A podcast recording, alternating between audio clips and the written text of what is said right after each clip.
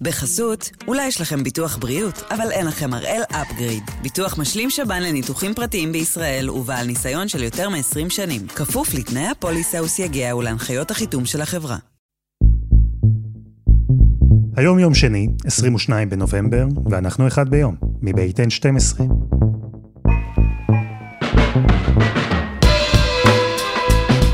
אני אלעד שמחיוף, ואנחנו כאן כדי להבין טוב יותר מה קורה סביבנו, סיפור אחד ביום, כל יום.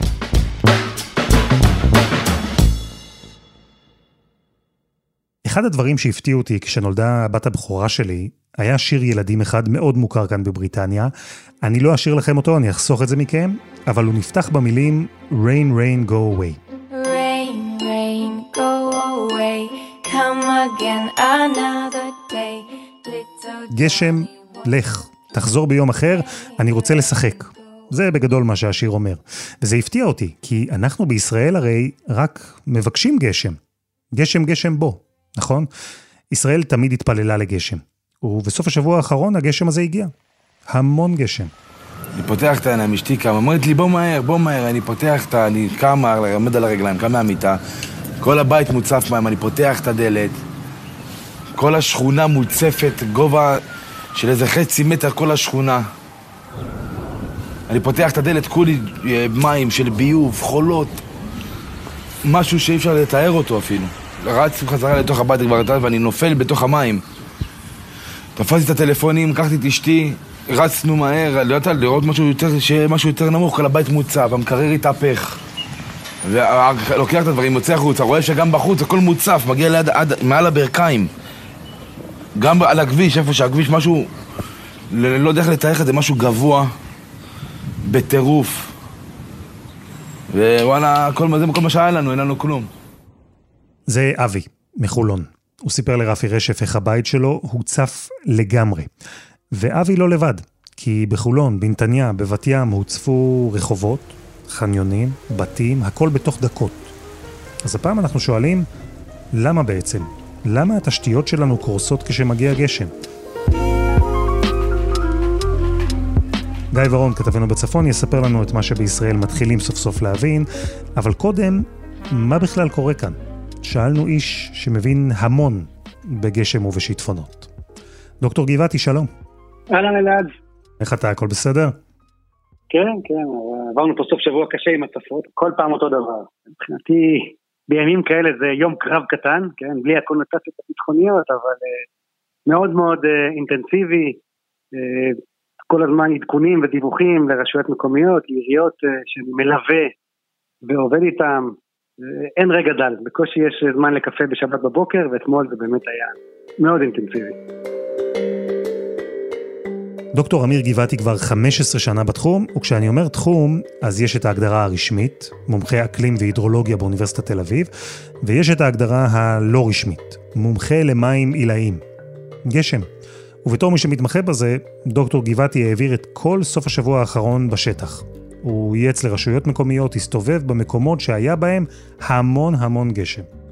כן, צריך באמת להבין שהמרחב העירוני שלנו הוא שונה מחוץ לעיר. כאשר יורד גשם במדבר יהודה, אנחנו מכירים את השיטפונות, התהליכים הם די ברורים. בעיר המצב שונה, עיר יכולה להיות מוצפת מפרק זמן של חצי שעה. אז ראינו בשבת הזאת שנתניה קיבלה, ממש קיבלה על הראש, 35 מילימטר ב-40 דקות בלבד. והתוצאות היו מאוד מאוד מהירות, העיר הוצפה, עשרות בתים ניזוקו, קומות, קומות תחתונות, קומות קרקע, 140 רכבים יצאו מכלל שימוש, בחולון, בבת ים, אה, סיפור דומה, שלוש שעות גשם, רק שלוש שעות גשם, משבת בשבע ועד עשר בבוקר, 50 מילימטר והצפות גדולות. אחד הדברים שאולי קצת מקשים עלינו, מי שהם לא הידרולוגים, הוא הז'רגון, השפה. כי כשאומרים ש-35 מילימטר גשם ירדו ב-40 דקות, אז המומחים אומרים את זה בדרמטיות. אבל לנו, שלושה סנטימטר וחצי, זה נשמע ממש לא הרבה. זה נשמע לא הרבה, זה נשמע ככה גובה עקב, אז לכאורה, אה, למה אמרתי שמכוניות הוצפו או שבתים הוצפו? מכיוון שהזכרנו את הטופוגרפיה, הערים במישור החוף הן אמנם יחסית אה, שטוחות, אבל עדיין יש מקומות נמוכים יותר, גבוהים יותר, ולכן הסדר גודל הזה של סנטימטרים בודדים אולי קצת מטעה, ברגע שזה קורה בזמן קצר. ולמים אין לאן אה, להתנקז. אותם חריצים במדרכות שאנחנו מכירים, שנקראים קולטונים, הם לא מצליחים להתמודד עם כמות המים הכל כך גדולה בזמן קצר, ואז המים זורמים למקום הנמוך ביותר. מים תמיד יחפשו את המקום הנמוך ביותר, בדרך כלל זה הים, אבל הם ימצאו את הנקודה היותר נמוכה עד הים, אז באמת צריך להבין, זו סכנה מאוד גדולה. המקומות הכי מועדים זה חניונים, ולכן תמיד רכבים ניזוקים, מרתפים. זה קרה, לא מזמן לצערנו, באסון המעלית בתל אביב, ברחוב נדב בשכונת התקווה, הרחוב הזה נמצא שלושה מטר יותר נמוך מהסביבה שלו, שמה ירדו בשעה אחת 67 מילימטר, כלומר כמעט 7 סנטימטרים, אבל בואו נחשוב עכשיו 7 סנטימטרים שמצטברים מהרבה אזורים, ואז לכן גובה המים הגיע לשלושה מטרים, ובאמת קרתה הטרגדיה הזאת שהמים הציפו את המעלית, ולכן רוב ההרוגים בשיטפונות בעולם זה אנשים שנוסעים ברכב, הם נלכדים בשיטפון, או במקלט שלהם, או בכלי רכב, או במרתפים, זה מאוד מסוכן. גשם הורג, פשוט ככה. כלומר, אותם שלושה סנטימטר וחצי הם לא אירוע אחד נקודתי, זו כמות גשם שיורדת בשטח עצום. וכל השלושה סנטימטרים וחצי האלה מכל הנקודות, אז הם כולם מתנקזים בסוף לנקודה אחת, המקום הכי נמוך שהם יכולים למצוא. ושם הם מצטברים, והופכים משלושה סנטימטר וחצי למשהו אחר, לכמה מטרים של מים. וכדי שהאירוע הזה יהפוך להצפה גדולה או מסוכנת, צריכים לקרות שני דברים. הראשון, כמות אדירה של גשם. וזה בדיוק מה שקורה, המון גשם בפרק זמן מאוד קצר. ודוקטור גבעתי ממש מרגיש את זה, שזה קורה עכשיו הרבה יותר מאשר בעבר. בפירוש כן, אני גם מרגיש את זה, גם נדהם כל פעם מחדש מהעוצמות, כאשר אני מחבר ככה את הנקודות על הגרף. אנחנו רואים קודם כל באמת את ההקצנה של האקלים, אנחנו רואים שאותם עוצמות גשם שדיברנו, הסנטימטרים או המילימטרים, הם, יש יותר ויותר בזמן קצר. יכול להיות שהגשם באמת, כמות הגשם לא משתנה, ובאמת אנחנו רואים את זה בצורה מדויקת באזור תל אביב, וגם השירות המטאורולוגי אומר, אנחנו לא רואים שינוי. מה שכן משתנה זה דפוסי הגשם. פיזור הגשם ועוצמות הגשם. עונת הגשמים אצלנו, אבל זה קורה שוב גם בעולם, מתקצרת, אנחנו רואים, ראינו את זה השנה בצורה מדהימה. עד לפני שבוע היו פה שריפות ושרבים, ואז פתאום הגשם מגיע בבום, עכשיו יש לנו שבועיים אה, יבשים עד אחרי חנוכה, בלי גשם, בלי כלום, דפוסי הגשם משתנים. ההתחממות הגלובלית גורמת לשינויים במאזן האנרגיה. ומה שקורה זה שבמקום שהגשם ירד בעיתו, כמו שאמרו במקורות ולא סתם, הכל נהיה יותר מרוכז, יותר אלים, אז לזה צריך להתכונן, בדיוק לנקודה הזאת. אז כן, זה לא שיורד יותר גשם, אלא שהגשם יורד בפחות זמן, באופן יותר מרוכז. וזה, דוקטור גבעתי מסביר, קורה בגלל ההתחממות הגלובלית. וכדי להבין את הקשר, דמיינו בלון. כשאנחנו מנפחים את הבלון הזה, מכניסים לתוכו אוויר חם, אז האוויר החם עושה את מה שאוויר חם עושה הכי טוב, מתפשט, מרחיב את שטח הבלון, מנפח אותו. עכשיו, דמיינו שבאוויר הזה יש אדי מים שעולים מהים. הם בתוך הבלון, ממתינים. והבלון הזה עולה לאוויר, ובאיזו נקודה נחמדה, אי שם למעלה, הוא מתפוצץ. כשהבלון מתפוצץ, אדי המים הופכים לטיפות שיורדות מלמעלה על הראשים שלנו למטה. וזה היה הסבר מאוד פשטני של המצב, אבל בגדול זה העיקרון. ההתחממות הגלובלית מעלה אוויר חם, למעלה. אוויר שמתפשט בקלות ויכול לסחוב איתו יותר אדי מים. ויש גם יותר אדי מים לסחוב, כי גם הים מתחמם והמים מתאדים יותר. אז עכשיו דמיינו לא בלון אחד, אלא מלא בלונים, והם כולם עולים למעלה בבת אחת, כולם נושאים בתוכם מלא אוויר חם, מלא אדי מים, ובבת אחת כולם מתפוצצים. וזה אומר המון גשם בפרק זמן מאוד קצר. אם נלך ככה באמת עוד פעם לאירופה, למקומות אחרים, ברוב המקומות, או לאסיה, יורד גשם שחם. לונדון הוצפה השנה באוגוסט, בשיא הקיץ, ניו יורק הוצפה בספטמבר. בגרמניה זה קרה אה, ביולי ובאוגוסט. ולכן הכלל אומר שההתחממות הגלובלית גורמת לכך שהאוויר יוכל להכיל בזמן קצר יותר ידי מים. זה התהליך הפיזיקלי המורכב, אבל בסוף זה חוק טבע שאנחנו כולנו מכירים. אז כמות גדולה של גשם בזמן קצר זה חצי מתכון להצפות המסוכנות שאנחנו רואים לאחרונה, ויש עוד חצי, והוא הבנייה. אז עד לפני 100 שנה כל אזור השפלה וגוש דן אה, היו כולו אזור פרדסים ואזורים עם שטחים פתוחים, יורד גשם והמים מגיעים למי התהום. מה שקרה בעשרות השנים האחרונות, כל האזור של שדה התעופה בן גוריון, אזור של מודיעין, בבת אחת ב-20-30 שנה האחרונות צמחו, האספלט לא מאפשר לחלחל, כאשר בונים בצורה כזאת שבעצם לא נותנים פתרונות למים, אז מה לעשות, אמרנו המים תמיד יחפשו את האזורים הנמוכים ביותר, ולכן אנחנו בעצם מאיצים ומחמירים הרבה יותר את הבעיה הזאת של ההצפות, ואז השילוב הוא הבעייתי ביותר, השילוב של אקלים שמקצין, פלוס מרחב עירוני שנבנה באמת ללא הכר, מה לעשות לפני 50-60 שנה לא התחשבו באמת בהצפות ובנחלים, היום הכל בנוי. ולכן כל אירוע גשם בעצם הופך להיות אירוע הרבה יותר חמור, כי למים אין לאן לחלחל, ופה צריך לתת פתרונות. אם כל הגשם הזה שיורד היה נופל נניח על שטח חקלאי פתוח, לא הייתה בעיה. המים היו מחלחלים למטה, אל האדמה. אבל כשמלא גשם נופל על שטח עירוני, על אספלט, על בטון, אז אין לו לאן לחלחל. זו כמו אמבטיה ענקית. ואז אפילו חצי שעה של גשם חזק יכולה להצטבר וגורמת להצפה ענקית שיכולה להפוך את האוטו שלנו לאונייה, או במקרים גרועים יותר, לפגוע ברכוש ואפילו בבני אדם. לצערנו, זה קרה וקרה לא מעט. דוקטור גבעתי, תודה רבה. להתראות. שני המרכיבים האלה שיוצרים ביחד שיטפונות ענק הם שניים שיש לנו המון מהם בישראל. התחממות של הקרקע ושל הים, והמון שטחים עירוניים, המון אספלט ובטון. אז השאלה היא, אם אנחנו יושבים על המתכון המושלם לשיטפונות, ואם זה כבר קורה עכשיו יותר מבעבר, מה עושים? אם בכלל עושים. אבל קודם, חסות אחת וממש מיד חוזרים.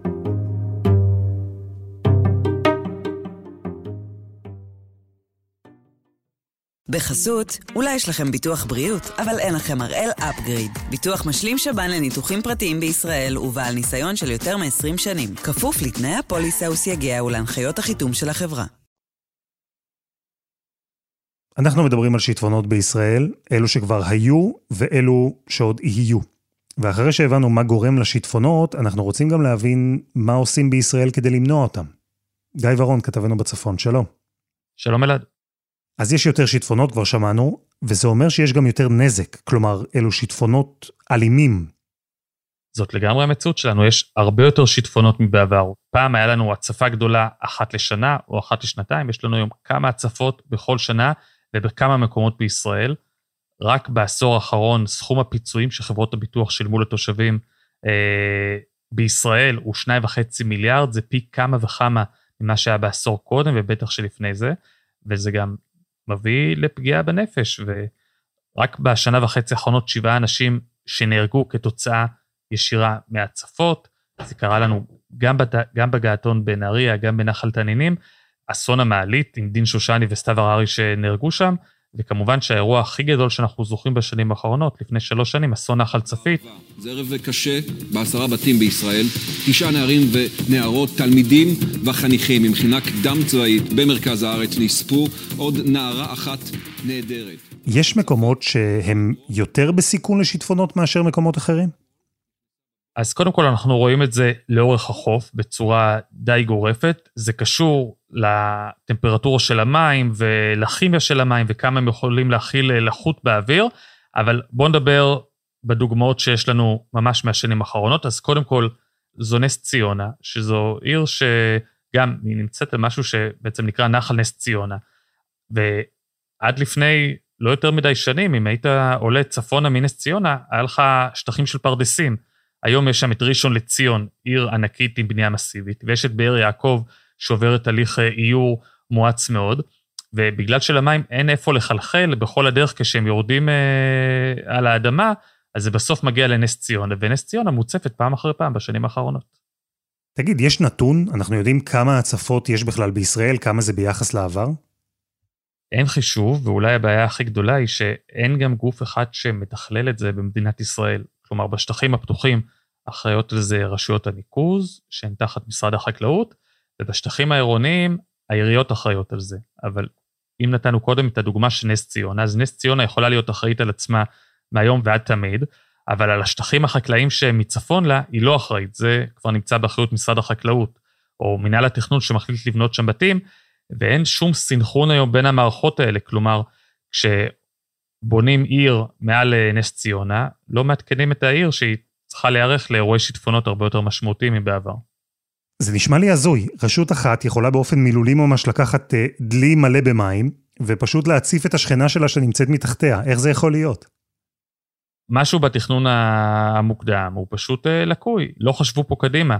זה גם הרבה מאוד קשור למצוקות הרגעיות. יש לנו כבר כמה שנים טובות, וגם עכשיו, מצוקת דיור בישראל, ורוצים לבנות כמה שיותר בתים בכמה שפחות זמן, אז מדינת ישראל מחליטה להקים ועדות תכנון ארציות, ות"לים, או כאלה דברים שיהיו רק לשנה-שנתיים, שיוכלו לשחרר מהר אלפי יחידות דיור.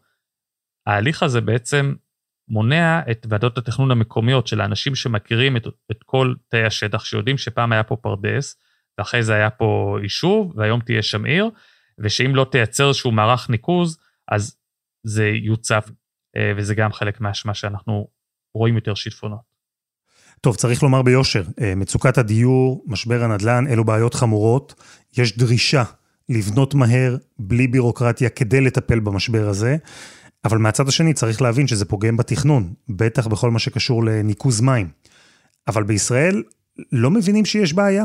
או, או מה יש פה? זה סדר עדיפויות, חוסר הבנה, אדישות? אה, זאת שאלה טובה, יש דוח ממש עדכני מלפני פחות מחצי שנה של מבקר המדינה, שבדק את כל נושא ההיערכויות של העיריות בישראל, הוא גם בדק מקומות שהיו בהם שיטפונות בשנים האחרונות, והוא רואה שאין בכלל מתודולוגיה, אין אה, יומן אירועים, אין אה, הכנה מוקדמת, אין התראות לתושבים. שמע, יש טכנולוגיה מדהימה, טכנולוגיה ישראלית בחלקה, שמתריעה לאנשים בכל העולם, בעוד שעה צפוי שיטפון באזור הזה והזה. בישראל לא משתמשים בזה, או מי שיכול להרשות את זה לעצמו זה בעיקר הגופים העשירים, נאמר למשרד הביטחון יש כזה, ויש כמה חברות אה, עסקיות שמשתמשות בשירותים כאלה, אבל זה עדיין לא מונגש לאזרח, ולמעשה אין שום גוף שמתכלל את הנושא הזה מלמעלה, אה, עם אחריות לאומית, כי אנחנו רואים ששיטפון שבסוף מתחיל בערי הגליל שוטף את העיר נהריה, והחלטה על מסילת רכבת יכולה להביא בתוך שנים קצרות להצפות ולנזקים במיליארדים במטרופולין דן.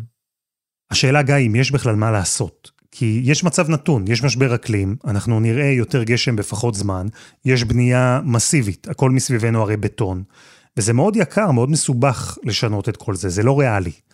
אז זהו, גורלנו נגזר, אנחנו נועדנו לחיות עם הצפות?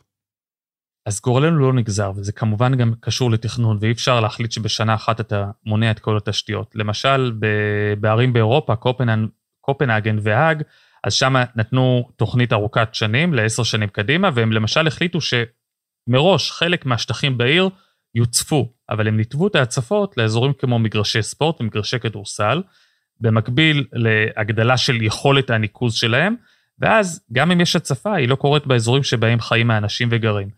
אה, הצפות היא כנראה משהו שאנחנו נראה הרבה יותר בשנים הבאות, אבל למשל אם יהיה ידע שהולכת להגיע הצפה הולך להגיע גל גשם, אז עיריות שונות יוכלו להיערך עם צוותי חירום, גם כיבוי והצלה, אבל גם הרשויות עצמן, להכין משאבות באזורים מועדים לפורענות, ואז גם משך הנזק יהיה הרבה יותר קצר, אה, וגם כנראה שאנשים ייפגעו פחות באיכות חיים שלהם.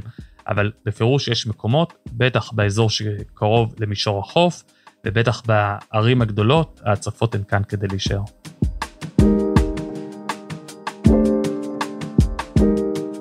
גיא ורון, תודה רבה. תודה אלעד.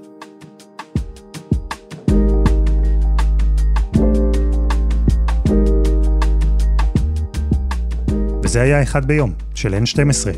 הפרק הזה, כמו כל הפרקים הקודמים שלנו, היו לנו כבר כמה על משבר האקלים האמת, אם בא לכם להעמיק עוד בנושא.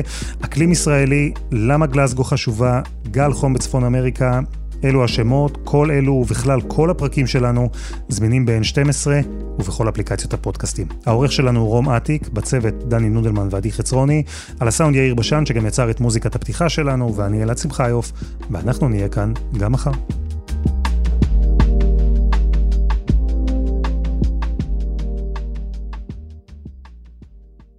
בחסות, אולי יש לכם ביטוח בריאות, אבל אין לכם הראל אפגריד. ביטוח משלים שב"ן לניתוחים פרטיים בישראל ובעל ניסיון של יותר מ-20 שנים. כפוף לתנאי הפוליסה וסייגיה ולהנחיות החיתום של החברה.